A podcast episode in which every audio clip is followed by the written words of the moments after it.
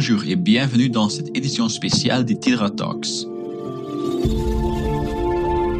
L'équipe Itinera a réfléchi aux priorités politiques de la nouvelle année pour nous aider à sortir et rebondir de cette crise. Aujourd'hui, nous écoutons le directeur général Léon Nels qui parlera sur la rénovation politique.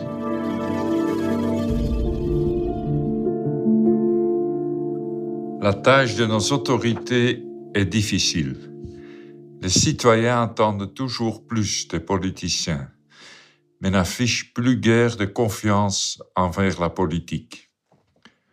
Seuls 30% des Belges disent encore faire confiance aux institutions. Nous constatons également que la politique manque trop souvent sa cible, malgré les nombreuses ressources qui y sont consacrées. Plus de 50% du produit national brut reviennent chaque année à nos gouvernements. On notera du reste la difficulté à former un gouvernement fédéral au lendemain des élections du 26 mai 2019, alors que 541 jours avaient déjà été nécessaires pour y parvenir en 2014. La démocratie se fissure de nombreuses analyses le confirment. Les anciennes règles du jeu doivent être redéfinies, comme Michael Porter et Catherine Gay le démontrent de manière convaincante pour les États-Unis dans The Politics Industry. Nous devons rétablir la capacité d'agir et de gouverner de manière décisive. Trop souvent, selon Porter, les politiciens sont devenus les prisonniers d'un système qui a paralysé leur efficacité. Le débat public est devenu trop futile. Il y a plus de bruit, mais aussi plus de polarisation. Un terrain propice à la stagnation et au déclin. Nous ne pouvons plus nous le permettre. Pour la première fois, Itinera a publié un essai traitant des institutions et comportant sept recommandations soigneusement choisies pour la révision des règles de la démocratie parlementaire. Les partis fragmentés régnant maître dans cette particratie si souvent disséquée dans notre pays.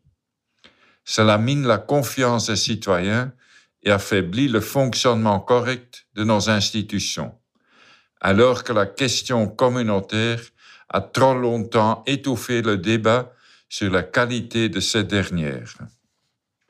Le mal gouvernant à la Belge atteste également de la nécessité d'améliorer nos institutions en remettant l'accent sur l'intérêt général, lequel ne se résume pas à une juxtaposition d'intérêts privés ou partisans.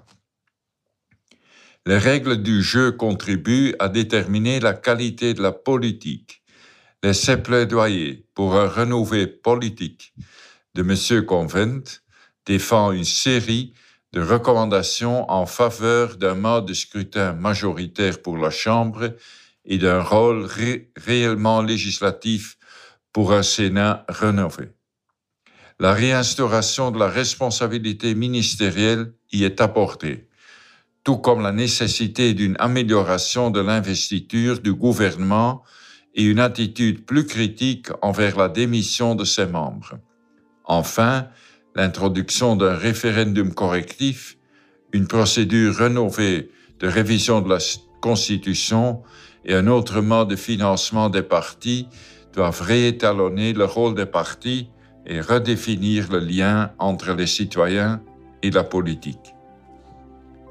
La démocratie a besoin d'hommes et de femmes désireux de s'engager politiquement et de se consacrer, à la cause publique.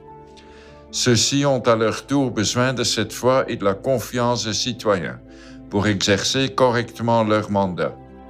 L'avenir de la société repose sur leur vision, leur capacité décisionnelle et leur perspicacité. Cette mission est souvent sous-estimée et les conditions dans lesquelles elle est accomplie sont ingrates en raison d'une opinion publique divisée, instable et dont la critique est souvent virulente. Nous devons réinventer l'art du débat public parce que c'est le fondement même d'une démocratie saine, garante de l'État-providence.